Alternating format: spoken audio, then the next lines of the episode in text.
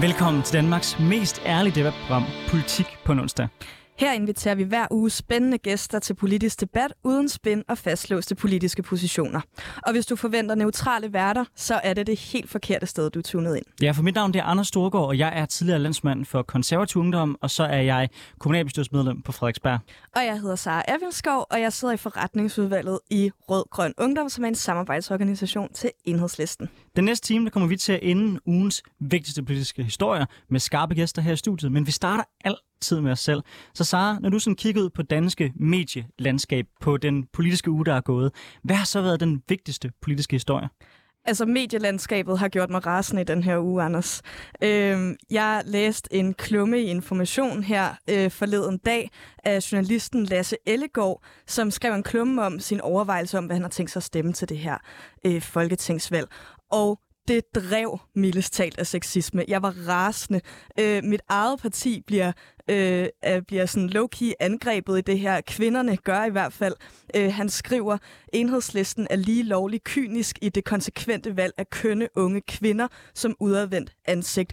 Pia Olsen Dyr bliver også omtalt som husmoragtig snusfornuftig, og Franziska Rosenkilde får også en tur øh, og øh, bliver beskrevet som en, der ikke behøver at rute med læbestiften. Jeg er simpelthen så træt af, at kvinders rolle i politik bliver reduceret til deres udseende. Det er benhårdt arbejde at være i politik, og man skal virkelig være, undskyld mig, virkelig tungnem, hvis man tror, at man kan nå nogen som helst vejen i politik ved at smile så sød ud. Altså, jeg er virkelig, virkelig træt af den gammeldags tone og, den, og det blik, der er på kvinder, øh, når det kommer til kvinder med holdninger. Øh, de har kæmpet sindssygt hårdt for at nå til, hvor de er. De har banet vejen for, for, for unge kvinder i politik. De er forbilleder for os, og jeg er simpelthen så træt af at være vidne til øh, det, de skal lægge øre til. Jeg synes, det er usmageligt. Hvis man synes, det her emne er interessant, så kan man øh, høre hovedpersonen selv øh, i Ali Ali's program øh, Alis Fæderland. Der er nemlig mulighed for at høre mere om det der i, fra i går. Øh, og øh, udover øh, det, så vil jeg også sige, jeg tror, jeg er enig med dig i, at kvinder bliver bedømt faktisk hårdere i politik. Jeg synes, den tilgang, som, som avisen har i den her pågældende leder øh, eller artikel, den er problematisk, øh, fordi at man i virkeligheden skubber til en sexisme og til en bedømmelse af kvinders udseende, der har været gennemgående i alt, alt, alt for lang tid, hvor det her i virkeligheden bare er dobbelt understreg over, at vi ikke er kommet de problemer til livs. Når det så er sagt, så vil jeg, så, så, så vil jeg sige, det er jo ikke kun kvinder, det er jo generelt sådan, medierne har tendens til at dække politik. Altså, Lars Lykke er fed og fedeladen, øh, fadøl, bamse, mand, og jeg ved ikke hvad, eller hulemand manden med Anders Fogh. Det rammer kvinder markant hårdere, det vil jeg gerne anerkende. Men jeg vil egentlig ønske generelt, at medierne kunne holde op med at blande de der ting ind. Fordi det er jo, det er jo lidt som at, øh, som at læse, se og høre nogle gange, når man, når man læser den tilgang til politik. Det har jo ikke en skid med politik at gøre. Jeg er så pisse ligeglad med, hvor gammel eller hvor ung Maja Villersen er, eller hvor fed eller ikke fed Lars Lykke er. Det er jeg interesseret i det, om hans politik er fed. Ja, altså det er jeg mega enig i, og jeg er også virkelig træt af. Jeg tror også bare virkelig sådan, når det kommer til det her, det har bare langt større konsekvenser for kvinder. Altså min, øh, min, min, min partifælle øh, og din øh, kollega i kommunalbestyrelsen på Frederiksberg, øh, Sabrina Louise Christiansen, har, har, øh, har, har skrevet rigtig meget om det her med, at siden at hun stillede op for første gang i politik, så er hun øh, blevet ringet op af skjult numre, fået ringet på sin dørtelefon af mænd, der kommer både med sexistiske kommentarer, men også med direkte trusler om, at de vil komme og voldtage hende. Og det er simpelthen noget, der afholder kvinder for at, at træde frem og at være en del af, af den politiske debat, og det gør mig, altså sådan, åh, jeg får næsten tårer i øjnene af at tænke på det, fordi jeg synes, det er så øh, sindssygt grænseoverskridende, og, og, og, og at det skal stå i vejen for kvinder i politik. Kvinder har også en plads i politik. Kvinder er dygtige og hårdarbejdende, og det skal de øh, have lov til at være, og det skal de anerkendes for, og de skal ikke reduceres til deres udseende. Og det kunne jeg snakke om for evigt, men jeg skal også høre dig, Anders, hvad har fyldt for dig i den her uge? Jeg synes jo, at det mærkeligste ved ikke at være ude på gaden 24-7, det er jo, at man, man begynder at opfatte politik som folk, der uden for politik opfatter politik. Og den her valgkamp, synes jeg har været meget speciel for mig af den årsag.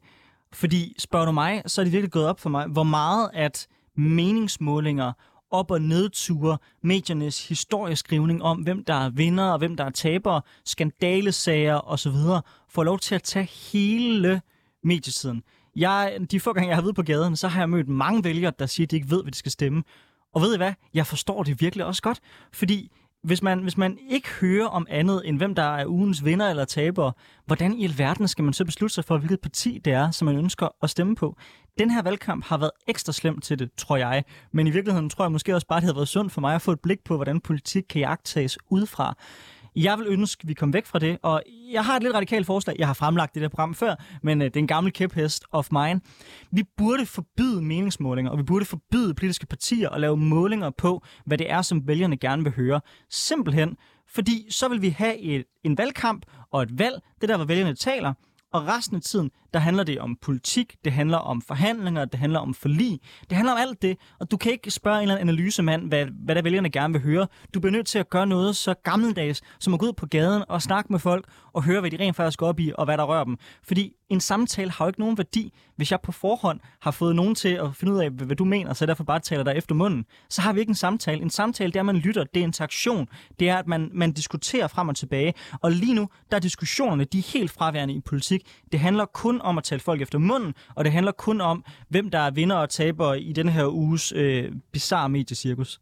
Jeg synes, det er øh, virkelig... Jeg, jeg snakkede faktisk så sent som den anden dag med min veninde om det her med meningsmålinger, i hvert fald under en valgkamp, at det, altså, det, jeg synes, det er virkelig spændende forslag, det her med øh, at, at droppe det fuldstændigt. Det var også lidt den konklusion, vi nåede til, fordi øh, man, man har jo lyst til at hæppe på vinderne. Altså, det har man jo altid. Det gælder i sport, og det gælder i politik. Øh, man har lyst til at, at, at hæppe på dem, man, man, øh, man har lyst til at være på vinderholdet. Og, øh, og, og, og det er jo bare ikke gavnligt for, for politik. Det er ikke gavnligt for, øh, hvad det er, der øh, vælgerne ligesom går op i. Det er ikke et udtryk for, hvad, hvad, hvad, hvad vælgerne synes er vigtigt. Slet ikke, når, når vi har medier, der, der fylder så meget og bringer øh, skandalehistorier. Så jeg kan virkelig godt følge dig i den her. Øh, jeg synes også, det, det er dybt frustrerende. Det påvirker jo også, altså hvis man ligesom skal tage den ind nu, er jeg øh, øh, aktiv i valgkampen og ser lidt mere... Øh, indefra, men det påvirker jo også øh, aktivisters kampgejst. Altså hvis man skal tage, tage den vinkel på det. Altså det, det er i hvert fald min oplevelse, at når man lige får dykke i meningsmålinger, så bliver man, oh, kan det også være lige meget rød bloktaber alligevel. øh, og jeg, jeg tror, sådan, det vil være gavnligt for, for alle i virkeligheden, hvis vi tog politik tilbage til netop at være samtalen og diskussionen og debatten, øh, frem for hvad ugens store historie er, eller hvordan øh, meningsmålingerne går. Det er helt enig med dig i, men jeg tror ikke, vi skal gøre det for aktivisternes skyld. Vi skal gøre det for demokratiet og for vælgernes skyld, fordi lige nu tror jeg, at dem, der bliver aller, aller hårdest ramt, det er netop de folk, der ikke har tid til at sætte sig ind i, hvad alles partiprogram er, som ikke har tid til rent faktisk at beskæftige sig med politik indgående. Det er ikke os, der er, ja, I kalder det aktivister, vi kalder det politisk aktive, frivillige, øh, men uanset hvad man kalder det, så er det jo ikke, det er jo ikke dem, der er offrene for mig at se Bestemt i den her sag. Bestemt det er, ikke det er vælgerne, som taber, og vores demokrati, som bliver dårligere. Mm. Og som spørger du mig, bliver mere og mere amerikaniseret, hvor det bliver personer, der fylder frem for politikken. Og jeg vil ønske, det var et modsatte vej, fordi personer interesserer mig ikke, politik interesserer mig. Det er jeg fuldstændig enig i. Jeg synes også faktisk, at det her folketingsvalg, jeg har øhm, altid haft et indtryk af, at sådan øh, negativ kampagne ikke har været særlig stort i dansk politik. Øh, det ved jeg ikke, om det er mig, der har været naiv, men jeg synes, at det har, at, at det har taget sådan lidt et spring i den her valgkamp, og det er måske øh, på grund af de her skandalehistorier og sådan øget polarisering øh, og så videre, at det, det, det ligesom øh, det påvirker øh, vores syn på politik og gør, at det handler mere om en personkamp og, og, øh, og, og, og skandalskriverier, end det handler om reel politik. Så jeg er fuldstændig med på, at vi skal droppe meningsmålinger. Og så, og så har vi i hvert fald fået samlet to mennesker, der ønsker det. Det er jeg glad for at høre, fordi jeg vil sige, når jeg sådan kigger, øh, kigger generelt øh, ud på danske politiske system, så tror jeg, det er noget, jeg står relativt alene med, den her, den, den her holdning. Der er jo nogle lande, hvor man har eksperimenteret med det til dels. Man har jo gjort det, jeg mener det i Italien, har man gjort det sådan, så du ikke kan fremlægge meningsmålinger, når du er tæt på et valg. Øh, det tror jeg kan være en mellemvej, men for mig at se, så skal du gå den hele vej, øh, både for medierne, for vælgerne og for politikernes skyld, at vi generelt set får et politisk system, der handler om politik frem for øh, meningsmålinger, vinder og taber og personsager. Det tror jeg i virkeligheden langt hen ad vejen vil være til alles gavn. Men her i studiet, der har vi øh, fået besøg af to fantastiske gæster. Men først skal jeg lige huske at sige, at øh, hvis man synes, det her program er interessant, så skal man downloade 24-7's app. Der kan man stille spørgsmål til gæsterne. Man kan også foreslå, hvad vi skal tage op i kommende programmer. Øh, det kunne fx være, hvad i alverden der er sket efter valget, hvor vi jo øh, her i studiet står dagen efter valget er blevet afgjort. Øh, det kunne også være, øh, at man ønskede et helt andet emne, men der har man mulighed for at foreslå emner. Her i studiet, der har vi fået besøg af to gæster, og øh, den første, jeg skal byde velkommen til, det er dig, Cecilie Winter Christensen. Du er øh, folketingskandidat for Dansk Folkeparti. Ja. Velkommen til. Tusind tak, Anders. Vi lægger altid ud med at spørge vores gæster, når de kigger ud på dansk politik, hvad har så fyldt noget i ugen, der er gået? Også for at lære dem lidt bedre at kende. Hvad har den vigtigste sag været i valgkampen indtil nu, hvis jeg må spørge dig? Fordi Der er, jo, der er jo mange, der er vigtige, men lige, det er noget, der jeg bemærkede faktisk i den her uge. Det var omkring i hussagen, eller den hændelse, der skete ude i Fields, med den her mand, som øh, psykisk syg gik ud og så skød en masse. Øh, hvor vi har fundet ud af, at han faktisk har været inde og bedt om hjælp, og blevet øh, trappet ned af sin medicin. Og af den grund, han har simpelthen været helt ude af sin egen fantasi og verden, så har han simpelthen gået og skudt øh, en masse mennesker. Han troede jo, det var en fantasi, og at man har svigtet på den måde, fordi der ikke har været ressourcer, man ikke taget ham alvorligt. Det, det er noget, der berører mig rigtig meget, øhm, og det beviser også bare, hvorfor psykiatrien er så stort et emne under den her valgkamp.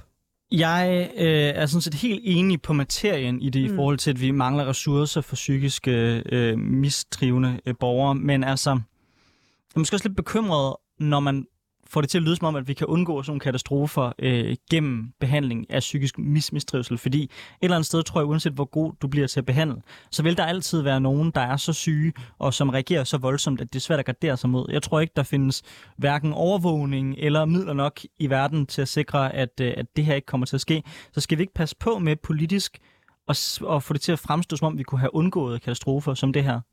Jamen, han havde jo været inde og sige hjælp. Han skulle have været indlagt akut med det samme. Øhm, og det er jo det, der har været problemet, at når man selv har råbt efter hjælp og har været inde og sige det, øhm, og man så ikke bliver taget alvorligt. Og det er der, vi kunne have undgået en situation som den her, fordi han var akut syg. Ja, jeg vil også gerne øh, have lov til at sætte spørgsmålstegn ved det, du siger, øh, Anders, fordi det er jo sådan i psykiatrien lige nu, at, at grunden til, at vi har, øh, altså, når vi har så manglende ressourcer, og vi har manglende hænder, og vi har manglende sengepladser i psykiatrien, så betyder det, at man bliver nødt til at vende patienter i døren. Man bliver nødt til, øh, altså psykiater, der står derude, og, og læger, der arbejder på, på, på psykiatriske hospitaler, de øh, er dybt frustrerede over, at de bliver nødt til at vende patienter i døren, selvom at de ved, at de burde blive indlagt. Fordi at man er blevet nødt til at sige, hvis du ikke er altså, øh, alvorligt, akut selvmordstruet, så kan du ikke få en plads her, fordi vi har ikke nok pladser. Og, og derfor så er jeg fuldstændig enig med dig, Cecilie, i, at, sådan, at det er et ressourcespørgsmål, det her. Det handler om, øh, hvordan vi fikser psykiatrien og, og undgår øh, den her slags øh, situationer. Men så er vi jo ikke uenige om, hvorvidt der mangler ressourcer i psykiatrien. Vi er jo enige om, hvorvidt man kan undgå, at sådan nogle ting sker ved at bare tilføre nok ressourcer til psykiatrien. Vi skal tilføre flere ressourcer til psykiatrien. Jeg stiller bare spørgsmålstegn ved, om man kan gardere sig 100% mod ondskab, fordi det er det, jeg synes nogle gange, der er tendens til politisk set. Og det er jo ikke kun i forhold til psykiatri. Det er også, når jeg hører øh, og har hørt i mange år i forhold til den terrorlovgivning, der er blevet lavet, at vi kan undgå, at folk laver terror, hvis bare vi laver nok overvågning eller strammer lovgivningen nok. Ja, det tror jeg ikke, du kan. Jeg tror, du, ikke, du kan aldrig gardere dig 100%. Du kan undgå måske flere, flere til, tilfælde, og vi bør tilføre flere ressourcer. Men jeg, jeg tror bare aldrig, vi bliver så sikre, at vi kan være helt sikre på, at der ikke kan ske noget som det her igen. Men jeg ved ikke, hvad du tænker, Cecilia. Øh, nu er det mere, at, at vi står i en situation, hvor en mand kommer ind, og han har været indlagt flere gange. Altså, jeg har jo selv egne erfaringer med min egen mor, hvor hun var helt manisk ude, og jeg ringer ind. Politiet tager hende med ind, og så om morgenen, så bliver jeg ringet op af en sygeplejerske og siger, ja, men hun er jo ikke den, der er mest syg. Det er jo ikke noget med, om hun er rask eller noget. Det handler om, når, hvem er mindst syg, hvem kan vi mest tillade os komme ud i samfundet igen og komme tilbage, hvor jeg sådan lidt, det var mig, der lever med hende, det er mig, der ved allermest. Og det var det samme med den her familie. Altså, og det er fordi, der ikke er ressourcer nok, der er ikke nok sengepladser. De, der, pengene, de mangler, og det, vi mangler læger, vi mangler sygeplejersker. Så det her, det skal simpelthen bare fikses, og jeg kan ikke sige det nok gange. Jeg tror, det er noget, der ligger os alle sammen rigtig meget på sinde. Det synes jeg også, man kan se tydeligt i valgkampen. Øh, vi har også fået besøg af en anden gæst. Det er dig, Clara Turms. Du er folketingskandidat for Enhedslisten. Velkommen til. Jo, tak. Tak fordi jeg måtte være med. Øhm, vi starter jo som, øh, som sagt altid med øh, at høre lidt til jer gæster. Vi vil gerne lære jer lidt at kende og høre, øh, hvad der har fyldt for jer i ugen, der er gået, eller måske for jer folketingskandidater, hvad der har fyldt mest i valgkampen. Så Clara, hvad har du lagt mærke til under den her valgkamp? Øhm, jeg tror, noget af det, der fylder rigtig meget for mig, det er det her med, at øh, Alternativet faktisk øh, står til at komme ind, som det ser ud lige nu.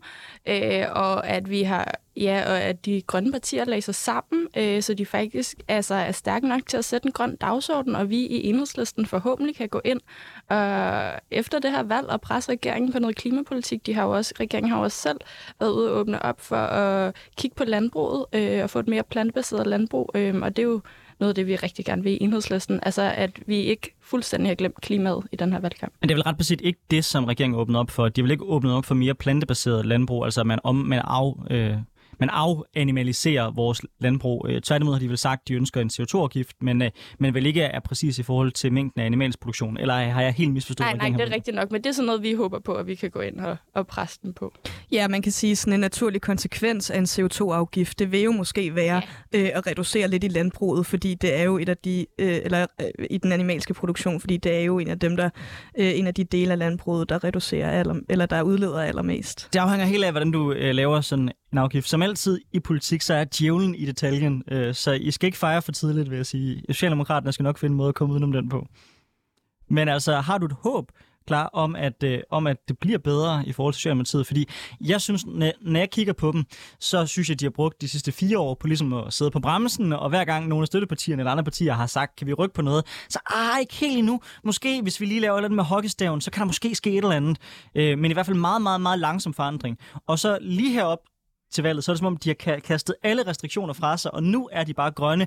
Dan the man, han er klar. Øh, Ida Augen, hun er ude og fortælle, hvor fantastisk S's politik er. Klima, håb, handling, eller hvad det er, hun går til valg på. Altså, har du håb for, at det her det er andet end klassisk socialdemokratisk valgspænd? Øh, ja, der er selvfølgelig en reel fare i det, du siger. Altså, det kommer øh, meget, meget op til et valg, og man kunne godt blive lidt bekymret for det. Men igen, det er også derfor, jeg synes, det er så vigtigt, at, at vi kan skabe en grøn alliance, blandt andet med enhedslisten og med Alternativet, fordi altså, vi kommer jo ind med nogle reelle krav, øh, så, og vil også gerne presse Socialdemokratiet på den måde. Øh, og jeg tror også, der, altså, jeg tror, der sker noget. Vi nærmer os også altså, tidsfristen for vores 2030-målsætning, så Socialdemokratiet bliver også nødt til at handle nu. Altså, vi kan ikke... Øh, tiden for hockeystaven altså ved at være nu. Øhm, så ja, jeg har håb på, at der sker noget for klimaet. Øhm, vi står med en kæmpe klimakrise, og vi mærker konsekvenserne af det nu på en anden måde, også end vi har gjort tidligere. Øh, og det gør det globale syd også helt klart på en anden måde, end det har gjort tidligere. Jeg tror også, det gør indtryk på, på Socialdemokratiet og de folketingspolitikere, der sidder der. Klar og Silvine Christensen, velkommen til Politik på onsdag. Nu går vi over til selve debatten.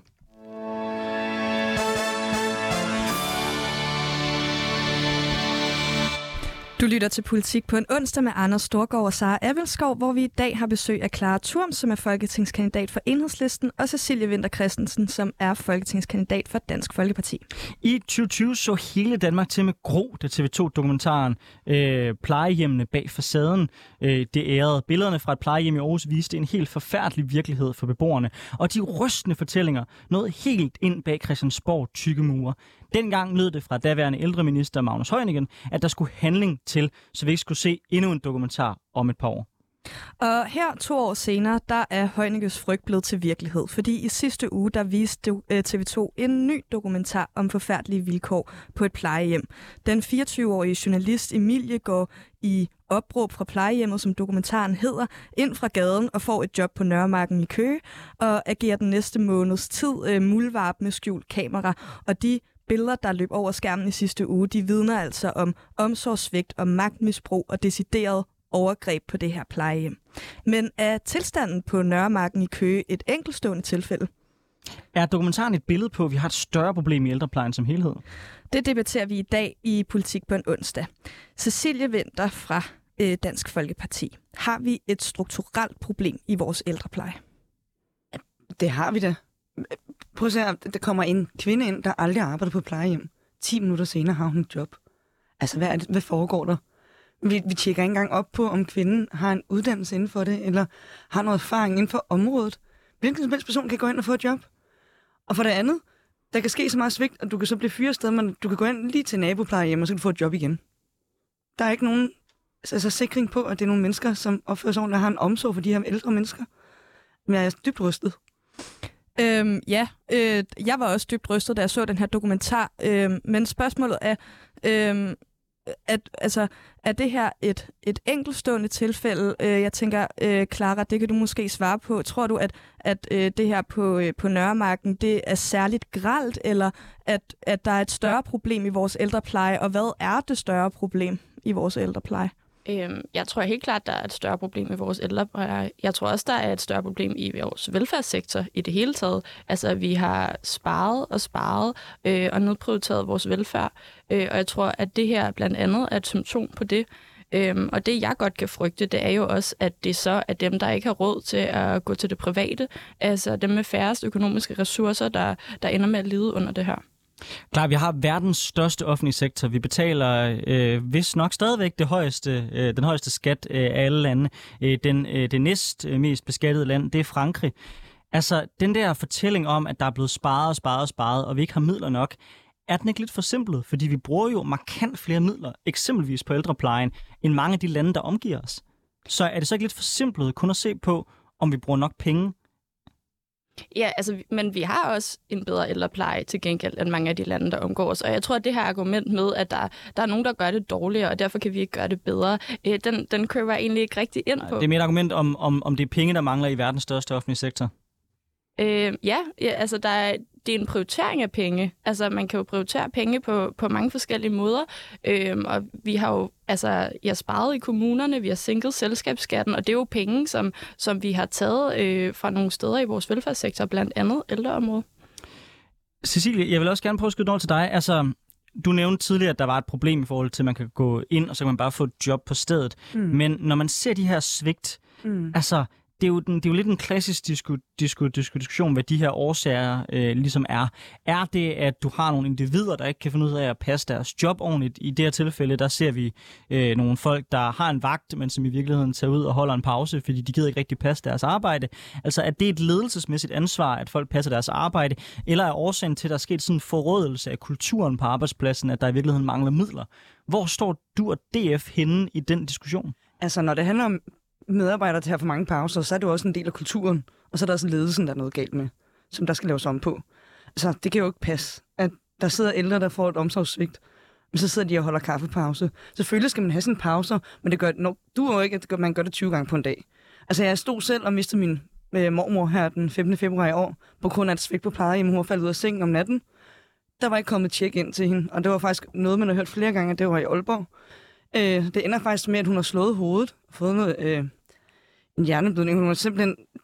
Og så har de jo så lagt hende i sengen om, om morgenen, og så har hun simpelthen bare ligget. De har ikke givet hende noget vand. De har ikke tænkt på, at der var en ændret adfærd hos hende. Altså, i fem uger får hun ikke rigtig noget mad eller drikke. Det er ikke noget med, at de ringer til familien eller os, eller siger, at hun måske skulle på sygehuset. Så det ender med, at hendes nyre faktisk er stået af, da vi finder ud af det. Hun har tabt sig vanvittigt meget. Og det ender jo så faktisk med, at hun til sidst dør. Altså, på grund af et svigt inde på plejehjemmet. Altså, jeg står selv og har oplevet det. Altså, så nej, det er ikke et enkeltstående. Det sker altså flere steder. Det lyder fuldstændig forfærdeligt, og, og, og, og det er jeg virkelig ked af at høre. Øhm, det er lidt af det samme, de samme tendenser, vi, vi ser i den her dokumentar, øhm, opråb fra plejehjemmet, øh, med, med ældre, der ligger med, med, med to dyner på under en hedebølge, fordi det er der ikke lige nogen, der har tjekket på, og øh, i øvrigt ikke har fået noget vand, og øh, folk, der sidder i deres blæ i, i, i 14 timer og ikke bliver skiftet. Øhm, det er jo virkelig gralt, og du peger på øh, blandt andet på, på det her med, med medarbejderkultur. Øh, jeg vil i virkeligheden gerne øh, høre jer begge to, måske først dig, Cecilie. Hvordan gør vi så op med den her øh, øh, kultur på, på arbejdspladserne, hvis, hvis det er det, der er øh, problemet? Det er jo ikke det, det, er ikke det der kun er problemet. Problemet er også, at der ikke er nok medarbejdere. Det mangler vi også. Arbejdsvilkårene er jo ikke i orden. Øh, det er ikke men det vil vi godt blive om. Det er ikke prestigefyldt arbejde, og det skal det jo være. Jeg tænker, du bliver jo ikke sociomedarbejder, hvis ikke du godt kan lide mennesker og holder af mennesker. Det er jo fordi, man har lyst til at tage sig af sin nære. Men der er jo nogen, altså det er, og det lyder som om, at det er alle plejehjem, der svigter. Der er, der er jo også gode eksempler. Men dem skal vi have flere af. Og det ville der også være mere af, hvis der var flere medarbejdere, der var flere, der kunne spare sammen. De kunne få en bedre uddannelse. Du kunne også kunne efteruddannes øhm, og få nogle flere. Måske blandet også, for jeg tænker også, at kulturen ville være bedre, hvis der havde nogle flere unge ind. Øh, I stedet hvor det måske er nogle sociomedarbejdere, der har været der i mange år, og så måske træder lidt træt i det. Ikke? Øhm, så på den måde, hvis vi får flere unge ind, jeg tror, det vil kunne hjælpe, i stedet for det er måske kun ældre sociomedarbejdere. Clara, er du enig i det, at, det, at øh, der er brug for noget ny, en, no, ny ung energi i, øh, i ældreplejen, eller hvordan øh, gør vi op med den her kultur, øh, som, som vi ser eksempler på i dokumentaren og øh, for Cecilias mormor? Ja, jeg er i hvert fald helt enig i, at øh, vi mangler medarbejdere, og igen, det ser vi jo på mange, mange velfærdsområder, øh, og det er ikke øh, Øh, prestigefyldt, og det bliver heller ikke anerkendt for at være prestigefyldt i den løn og de arbejdsvilkår, som vi byder øh, plejepersonalet i dag. Og det tror jeg helt klart også er et af de store problemer. Ja. Øh, og så tror jeg også, at man skal måske Altså, selvfølgelig handler det om penge, og det handler om løn og arbejdsvilkår, men der er også noget i, kan vi få de pårørende ind over øh, ledelsesbeslutninger, for eksempel? Øhm, kan vi lave en bestyrelse, hvor vi inddrager også de, øh, de mennesker på plejehjemmet, som egentlig også er i stand til at bidrage øh, til bestyrelsesarbejdet? Det tror jeg også er sådan nogle ting, vi kunne kigge på. Det er vi også enige i. Men jeg synes, det er interessant, at, at du i, i den lange øh, tale, du holdt her, hvor du fokuserede på rigtig mange, synes jeg, helt færre argumenter overhovedet ikke nævner ledelses ansvaret. Men når en person ikke passer sit arbejde, eller det du havde øh, sager om i den sidste dokumentar, som Magnus Heunicke reagerede på, at du havde folk, der talte ned eller var grimme eller ubehagelige over for de plejehjemsfolk, er det så ikke i virkeligheden primært der, den starter, at der er nogle ledere, som ikke passer deres job, som burde modtage en fyreseddel kommunalt i morgen, fordi hvis de her ting sker på deres vagt, så er de bare ikke modne mm. til at passe det, det job. Er det ikke en del af det, vi også skal se på? Og sørge for, at der kommer og bliver placeret et ansvar for de her sager? Jo, jeg tror da helt klart også, det handler om ledelsesansvar, men jeg tror, øh, at fra politisk side, så er det ikke vores opgave. Jeg tror heller ikke, det er det mest effektive at gå ud og øh, altså, øh, plukke enkelte sager. Så er det, at vi skal sætte nogle rammer, så det her simpelthen ikke sker overordnet nogen steder. Øhm, og der tror jeg, at sådan noget som en mere demokratisk bestyrelse kunne være en, en af løsningerne. Jeg tror også, det kunne være sådan noget med, at, at ledelsen kommer tættere på de her øh, mennesker. Det, det berører også, fordi at øh, plejepersonalet, øh, eller hvad hedder det, plejesektoren, er også en sektor, hvor øh, ledelsen har ansvar for rigtig mange, øh, rigtig mange mennesker, øh, så få dem tættere på, på, på de mennesker, de egentlig også er deres beslutninger pårører. Altså, jeg kunne ikke finde på at påstå, at det er de, de job som måske potentielt folketingsmedlem og sidde og fyre hver enkelt led, leder.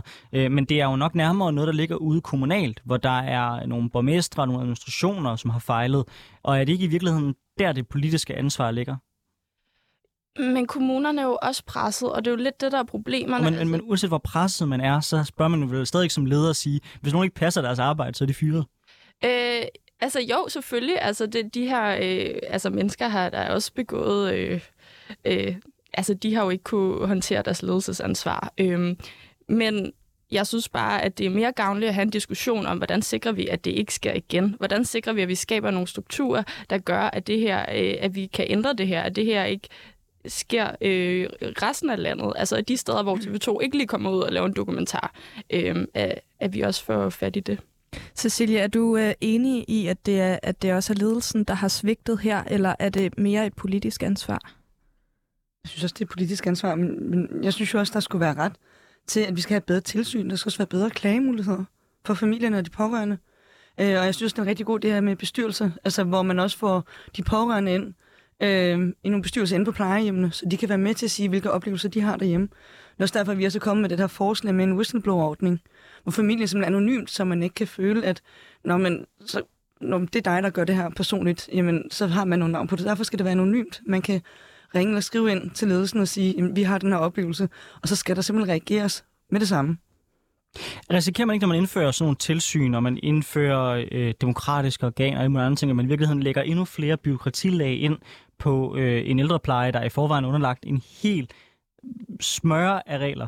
Altså alle politikere stiller sig jo altid frem i alle valgkampe og siger mm. mindre byråkrati, men når man så ser nogle skandalsager som det her, så er det jo meget ofte de ting, man ligesom hiver fat i, det er mere byråkrati for ligesom at løse de udfordringer, der er. Det er derfor, jeg prøver at udfordre jer på, ja, om, det ikke, om det ikke i højere grad handler om den lokale ledelse og nogle konsekvenser derude, mere end at man sådan politisk begynder at indføre tilsyn, tilføre flere midler, øh, eller laver øh, demokratiske organer, fordi det bliver vel bare hurtigt en glidebane mod mere byråkrati, gør det ikke? Nej, nej fordi lige her er byråkratiet vigtigt jo.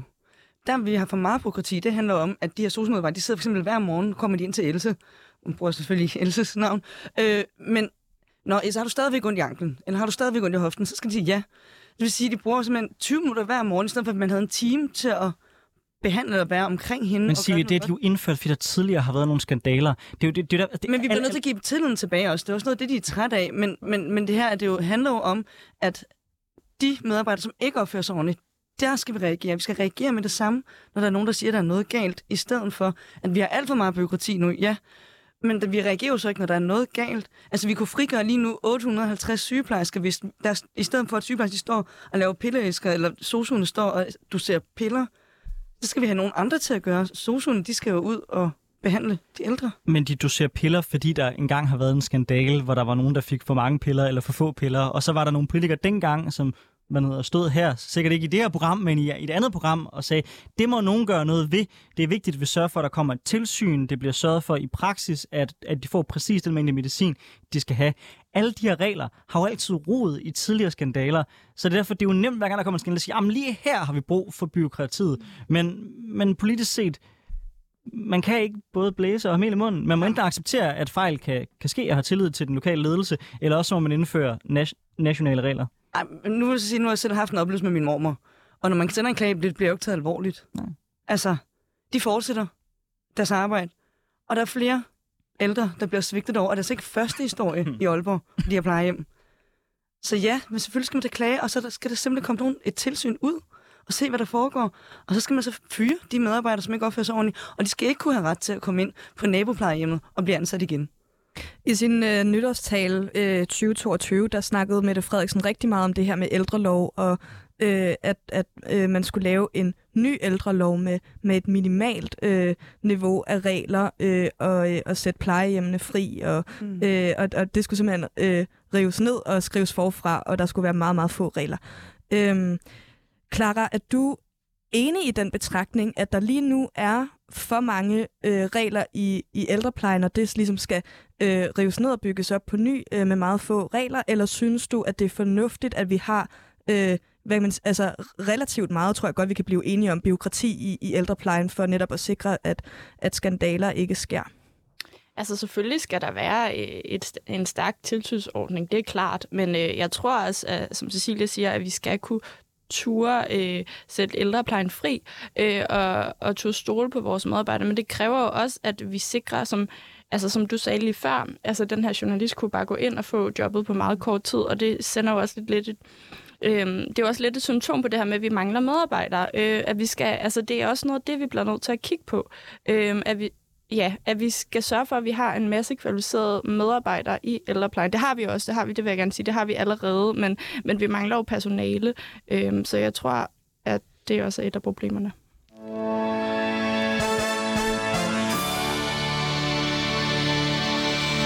Du lytter til Politik på en onsdag med Anders Storgård og Sara Appelskov, hvor vi i dag har besøg af Clara Turens, der er folketingskandidat for Enhedslisten, og Cecilie Winter Christensen, der er folketingskandidat for Dansk Folkeparti. Her i valgkampen, der fylder debatten om velfærd rigtig meget, og mange partier på tværs af det politiske spektrum, de peger i en eller anden grad på løn- og arbejdsvilkår som en del af løsningen. Sidst, sidste gang TV2 afslørede øh, forholdene på dansk plejehjem, der afsatte man 1,9 milliarder til ældreområdet frem mod 2024 og skærpede samtidig tilsynet med plejehjemmene med et rejsehold. Men når man ser dokumentaren opråb fra plejehjemmet, lader det ikke til, at indsatsen har virket. Siden maj øh, 2021, der har Styrelsen for Patientsikkerhed udført 138 tilsyn med plejehjemmene, og 27 plejehjem har fået et påbud. Og det svarer altså til, at hver femte tilsyn har, fået, øh, har ledt til, til meget hård kritik. Og også hos Ældresagen og hos Alzheimersforeningen, øh, der ser man en stigning i henvendelser fra pårørende, der klager over omsorgsvigt på plejehjemmene, på trods af de her ekstra midler. Klarturens, mener du, det har været den rigtige løsning at tilføre flere midler, eller hvad skal der til for at udbedre problemerne i ældreplejen? Her er jo et eksempel på, at man har tilført flere midler, og vi stadigvæk ser, at der er massive problemer. Øh, ja, øh, men altså ja, jeg holder fast i, at der skal, der skal være flere midler til ældreplejen. Jeg tror, at det, det er et strukturelt problem, og jeg tror særligt det her med, med løn og arbejdsvilkår er et af de problemer, vi bliver nødt til at kigge på. Tror du, at uh, ham medarbejderen, der ikke mødte op til sin vagt og sad og holdt pause, at han vil passe sit job, hvis han havde fået højere løn? Øh, det, altså, selvfølgelig er der også... Jeg ved ikke, om han nødvendigvis... Øh, det, det, det er en enkelt sag, som, som, som jeg ikke ved øh, nødvendigvis kan tilegne struktur, men, men som, altså, det skal jo heller ikke være muligt for... Altså, altså vi skal jo have en nok kvalificeret personale til, at vi kan sørge for, at han, at han for eksempel øh, at han kan blive assisteret af en, der kan, der kan hjælpe ham og fortælle ham det forkert, eller i hvert fald sørge for, at, at man ansætter en anden, som har, har bedre evner. Altså, vi mangler virkelig personale. Men du har mulighed for at byde på det, Cecilie? Ja, mm, men det er også bare, når vi kigger på, altså vi mangler personale på det punkt. Altså, når man kommer op i en vis alder, så er du også jeg så tænker prøve at sætte mig selv ind i det, ikke? Der kommer et fremmed ind i ens hjem, øh, og det er en ny medarbejder hver dag. Det er jo ikke en, man får et tillid til. Det er en, der kommer ind i ens private hjem, og som skal hjælpe, eller man kommer ind på plejehjem, som skal være ens hjem. Men det føles ikke som hjem, fordi der er ikke nogen rigtig omsorg, men nogle steder er der ikke engang et køkken, man kan gå ind i. Altså, det skal jo være et, det sidste hjem, lidt som man har. Men man får ikke den omsorg, man skal have. Der er ikke øh, den hjemlige duft af nyt brød mere. Der er ikke øh, nogen at sidde og spille kort med. Altså, man bliver efterladt i sengen. Kan ikke engang selv vende sig rundt. Altså, så ja, jeg synes, vi skal have flere penge til området. Altså, vi mangler, vi kan jo se det. Vi mangler derude. Mm. Og altså, man kan sige, at der er blevet afsat 1,9 milliarder allerede. Øh, det svarer til cirka en halv milliard om, om året, fra, fra da det blev indført, til det ligesom, øh, af, af, afsluttes i, i 2024, den her investering i, øh, i ældreplejen. Og øh, en af øh, en af formålene med de her ekstra midler, det var blandt andet at få øh, 1000 ekstra øh, medarbejdere i, i hjemmeplejen. Øhm, men man kan sige, det er jo også Christiansborg, der øh, forhandler øh, kommunernes økonomiaftaler, øh, og, og der er mange, der peger på, at det er de stramme økonomiaftaler, øh, som, som øh, udgør et problem i ældreplejen, som gør, at, at kommunerne ligesom ikke har mulighed for at ansætte flere. Øh, så Clara, tror du, at øh, at, at kommunerne de kan, de kan varetage den her opgave øh, med ældreplejen, eller er det nogle andre, der skal stå for det? Altså det kan både være øh, regionalt eller statsligt, men det kan også være, øh, være det private. Altså hvad er, bliver vi nødt til at kigge på nogle andre løsninger for det her område end, end det kommunale? Ja, altså jeg tror, vi skal være varsomme med bare at fjerne det fra kommunerne, inden vi har, øh, eller uden vi har en løsning på, hvordan det bedre kunne lade sig gøre. Altså jeg tror, at kommunerne egentlig godt kan varetage den opgave, de har lige nu, men, men ikke under de øh, rammer og de ressourcer, de får tilbudt fra Christiansborgs side. Altså det er mere der, det er problemet. Øh, så bliver det hurtigt en spareøvelse, øh, når man prioriterer pengene ude i kommunerne, fordi at de simpelthen ikke får nok for, for Christiansborgs side af. Øh, ja, Øhm, jeg tror også vi stadigvæk, at hvis vi frigør kommunerne, altså de her plejehjem, at de ved jo også bedst selv, hvad der er godt for de, deres personale, men også at for de ældre. Øh, vi har også set flere eksempler på kommuner, som er blevet sat fri, hvor de siger også, at det hjælper helt vildt meget, at de har pludselig mere tid til den enkelte ældre øh, på plejehjemmene. Det, det tror jeg også er en af løsningerne. Ja. Det tror jeg virkelig også. Øh, og altså, det, det, det, når man har en DF'er i øh, studiet til en debat om ældre, så er jeg jo snart den eneste, der er borgerlig tilbage her. men, men, men altså, jeg, jeg, jeg vil simpelthen bare gerne advare mod den der tilgang til, det er bare penge, man, man kan kaste ned i det, jeg mener efterhånden er et bundløst hul på nogle af de her de, de områder, fordi hver gang man så afsætter flere milliarder, så kommer der nogle nye sager, og så kan man afsætte endnu flere milliarder. Det, der i virkeligheden mangler, spørger du mig, det er jo ligesom den der fleksibilitet til at kunne ordne ting ude lokalt. Måske i virkeligheden også lidt en grad af konkurrence. Måske have nogle friplejehjem, der kan tilbyde en anden type velfærd, så man ligesom hele tiden kan, kan se, okay, gør vi det på det rigtige måde i det offentlige? Kan vi lære noget af andre muligheder, man kan gøre? Og, og frikommune-ideen er jo netop et eksempel på det, at man ligesom siger, kan vi ikke prøve at udfordre nogle af de normale arbejdsgange, vi har? Fordi i virkeligheden næsten, tror jeg, det bedste, man kan gøre ved vores øh, plejesektor, det er at holde jer politikere ud af den. Er du enig, Silje? Øh, jeg, jeg vil så også sige, det er jo dem, der er derude, det er jo dem, der ved bedst. Altså, det kan vi jo selv mærke på eget liv. Altså, det, som jeg privat har været på, det er, jo, det er jo det, jeg ved bedst, jo ikke? Det er jo ikke politikerne, apropos psykiatrien. Jeg har jo selv prøvet det på egen krop. Så ja, jeg ved da mere end dem, som sidder inde på Christiansborg og laver regler. Så ja, det er også derfor, jeg siger, at vi skal også, det er jo også noget med tilliden at gøre med at sætte kommunerne fri på det. De ved bedst. Øhm, og, og, som du siger også, det med at sætte for mange regler ud. Altså, bruger vi også bare mere tid på det, så ja, jeg er enig. Men apropos, altså Dan, Dansk Folkeparti, vi har jo lavet en handlingsplan for det, og vi har også, altså det er finansieret, og det har vi regnet ud, hvordan det skulle gøre, for at kunne skabe nogle bedre rammer på plejehjemmene, men det er ikke at lave mere byråkrati, altså vores forslag, det er tryghed. Klar, hvordan har I det i enhedslisten øh, med frikommune øh, og i øvrigt også måske i, til en vis grad fri, friplejehjem? Altså, er I bekymret for den løsning, at den måske kan gøre, at der ikke kommer den samme form for statslig kontrol med, at ting bliver overholdt, eller synes I i virkeligheden, det er godt at få noget mere konkurrence, nogle andre modeller på spil? Altså, jeg synes egentlig, det er en god idé at på en eller anden måde kunne sætte kommunerne fri og lægge tilliden tilbage til, til ældreplejen, men, men vi skal ikke ud i at have private alternativer, og det tror jeg bliver farligt, fordi så skaber vi et A- og et B-hold. Så skaber vi dem, der har råd til at betale for private plejehjem, og så må dem, som har færre ressourcer, øh, sidde tilbage øh, under dårligere vilkår. Hvad med sådan noget som udlicitering? Altså, hvor man ikke siger, at det er privat, og du betaler selv, men man siger, okay, vi har et plejehjem, hvem, hvem kunne tænke sig at drive det? Og så prøver man at se, er det det offentlige, der er bedst, eller er det en privat aktør, der måske kan tilbyde et bedre produkt? Er I åben over for det? Altså, jeg tror, at det, der er problemet lige nu, det er, at man har været lidt øh, tvunget ud i noget udlicitering, fordi vi, vi simpelthen mangler øh, personale, øh, og vilkårene er for dårlige for dem, der øh, er i det offentlige. Så de, de, de, øh, de tager hen i de, i de firmaer, øh, i de private firmaer, øh, de gode medarbejdere, eller i det hele taget, eller nogle medarbejdere bliver selvfølgelig også i det offentlige, men øh, men ja, jeg tror, at det der problemet er, at vi skal skabe nogle rammer og nogle lønvilkår, hvor al øh, personalet har lyst til at blive i det offentlige, så vi sørger for at skabe en god kvalitet i plejesektoren, i det offentlige plejesektor.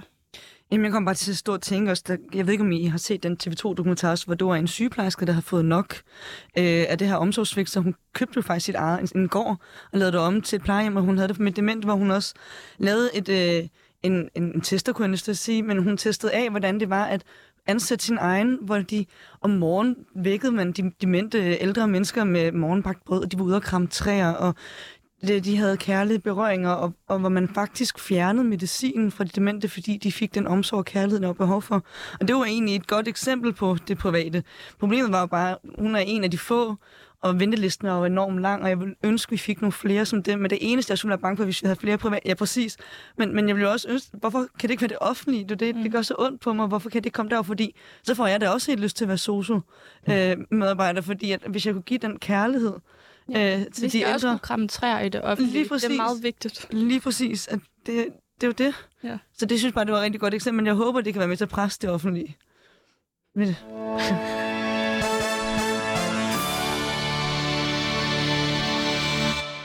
Du lytter til Politik på en onsdag med Anders Storgård og Sara Appelskov, hvor vi i dag har besøg af Clara Turms, der er folketingskandidat for Enhedslisten, og Cecilie Winter Christensen, som er folketingskandidat for Dansk Folkeparti. Allerede i dag der afhænger vagtplanlægningen på plejehjemmene af timelønnede vikar og fremskrivninger fra kommunernes landsforening viser, at vi i 2030 vil mangle 16.000 ansatte i ældreplejen. Derudover er hver fjerde ansatte i ældreplejen i dag ufaglært, og færre og færre søger ind på velfærdsuddannelserne. Og det er altså samtidig med, at vi får flere og flere ældre i Danmark. Og det øh, får lidt alarmklokkerne til at ringe, øh, når vi hverken har faglærte i ældreplejen eller, øh, øh, eller nok hænder. Så Cecilie Winter, øh, hvordan sikrer vi fremtidens ældrepleje? Ja, igen, det vil sige, at vi skal have flere medarbejdere. Øh, men jeg tror også igen, det er med at sætte kommunerne fri, som vi snakker om tidligere. Hvordan, hvordan får ja. vi flere medarbejdere? Ja, det er arbejdsvilkår. Øh, og øh, prestigen i uddannelsen. Altså, det, at lige nu er der ikke den prestige. Jeg tror, hvis vi snakker om den dokumentar, vi snakkede tidligere, at de havde det godt derude, var der så mere prestigefyldt arbejde. Men lige nu er jo omtalen øh, på plejehjemmen, det er jo simpelthen så grotesk, at, jeg vil da heller ikke have lyst til lige nu. Ikke? Hvordan højner vi prestigen? Er det bare gennem løn?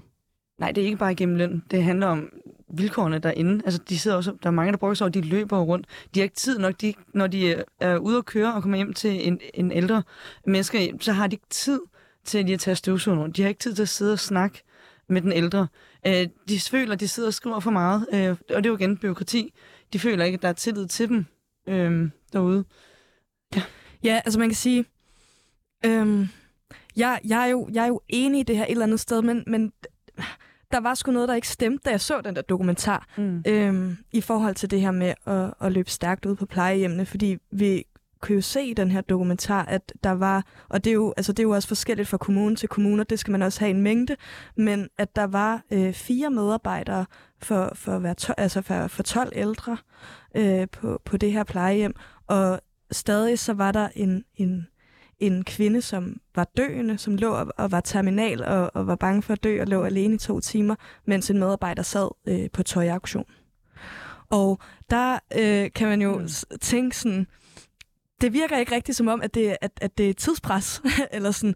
Øhm, så, så, så, så jeg er lidt nysgerrig på sådan at, at, at få foldet det her ud med, Øhm, altså vi kan se, sådan, øh, som, som KL ligesom viser, at vi kommer til at mangle af, øh, ansatte i ældreplejen, og lige nu, som vi har snakket om tidligere, så kan man nærmest gå ind fra gaden og få et job, fordi, at, øh, fordi, folk gerne, eller fordi vi mangler øh, ansatte. Men der er færre og færre, der søger ind på, på velfærdsuddannelserne. Øh, dem, der arbejder på plejehjemmene i dag, er ikke faglærte, og de er i høj grad øh, vikarer. Øh, Clara, hvordan øh, løser vi de problemer? Fordi vi har jo afsat øh, midler til det, øh, men, men det ændrer jo ikke på, at vi ikke har nok øh, medarbejdere i fremtiden.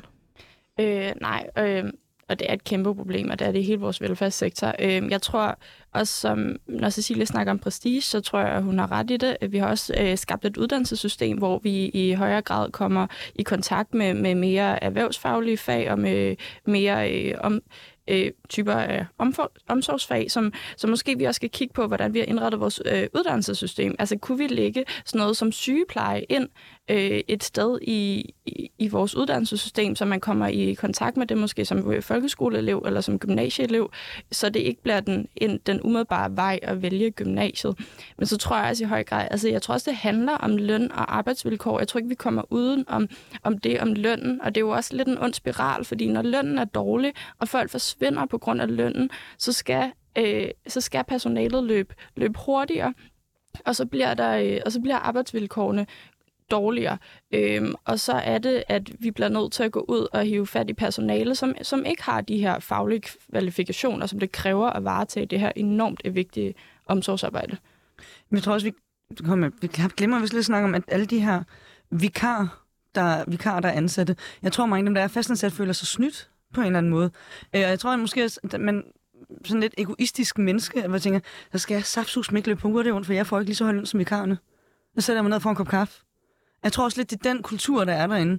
Og det er derfor, at vi skal have dem, de fastansatte, i stedet for, at vi skal have så mange vikarer. Det bliver vi nødt til at omlægge. Så det, det tænker bare, eh, mennesket er egoistisk på det punkt, og det ved jeg godt, det er tavligt sagt. Men hvis der er nogen, der får mere løn, som arbejder lidt mindre, men, men får mere løn, og den anden løber rundt øh, mere end fuldtids, men får mindre timeløn, det tror jeg, vi skal gøre op med. Klar, vi, vi mangler folk i ældreplejen. Vi mangler folk generelt i den offentlige sektor. Vi mangler også folk i industrien. Øh, der er der tal, der viser, at vi skal have mellem 100 og 150.000 ekstra faglærte for at kunne sikre den grønne omstilling. Altså, bliver det ikke hurtigt sådan et nulsumspil, hvor at så hæver man løn i den ene sektor, så løber folk derover, og så hæver man løn i den anden sektor, så løber folk derover. Men problemet måske i virkeligheden er, at vi simpelthen ikke har nok arbejdskraft. Altså, øh, bør vi måske se på at få mere udlandsk arbejdskraft, flere folk ind til Danmark, der kan hjælpe med at løse de her, de, de, de her ting, fordi vi løser jo ikke problemet, hvis problemet ikke er mangel på arbejdskraft i en specifik sektor, men er mangel på arbejdskraft, punktum, i Danmark. Øh, ja, altså sådan, vi, vi mangler virkelig arbejdskraft, det har du ret i, øh, og vi har også gjort det rigtig svært øh, at være og blive i Danmark. Altså sådan, øh, der er jo 10 procent af den danske befolkning, der blandt andet ikke har dansk statsborgerskab, og vi, og vi sender... Det har ikke noget med, at vi mangler arbejdskraft. Nej, det er rigtigt, men det, det er en del af en mere generel tendens, hvor vi, vi har strammet så meget vores udlændingepolitik, at vi blandt andet sender øh, syriske flygtninge tilbage til et land i krig, hvor vi ser, at rigtig mange af de her flygtninge faktisk øh, har været i et erhverv, som, som er øh, omsorgsarbejde. Ikke at det skal have, de skal selvfølgelig også have lov til at blive her, altså mange andre grunde, men når vi tager den her diskussion op, så er det da, altså relevant at snakke om. Ja, det, det vil, den, den vil, vil jeg egentlig gerne smide over til jer i DF. Der har været lidt diskussion i forhold til både ældreplejen og i mm-hmm. servicefagene, og man skal blive serviceret af folk med øh, slør. Virkeligheden er, at en rigtig stor del af de folk, der løfter vores servicefag, vores ældrepleje, vores velfærdssamfund i dag, det er jo nogle øh, folk, hvor mange af dem har indvandrerbaggrund, fordi at det er de fag, man ligesom søger hen til, også når man kommer som ny i Danmark. Øhm, så jeg tænker ikke, at Dansk Folkeparti er sådan vildt meget øh, tilhænger af, at der kommer flere folk ind øh, med den baggrund. Tværtimod har hørt jer være meget kritiske over for, at der er så mange i de fag. Så hvordan i alverden vil I sikre, at der kommer nok arbejdskraft ind til servicefagene, hvis ikke det er øh, at bruge udlændinge? Jamen prøv lige at høre. Hvis du kommer herop øh, og kommer ind i ældreplejen med det samme, det er jo knap nok altså, engelsk, altså du, du er dement. Ved du også noget, der, der kan snakke dansk? Altså det kan altså være svært og hvis man i forvejen ikke helt kan forstå, hvor man er henne. Ja. Ja, nej, øh, det var virkelig ikke for at afbryde dig, men, men det, det synes jeg bare er et mega interessant øh, perspektiv, det her, fordi man har jo faktisk i Danmark, der har man jo øh, indført en regel, der gør, at øh, de første tre år, man er i Danmark, øh, der kan man få øh, gratis tolk i det offentlige, og efterfølgende, så skal man selv betale det.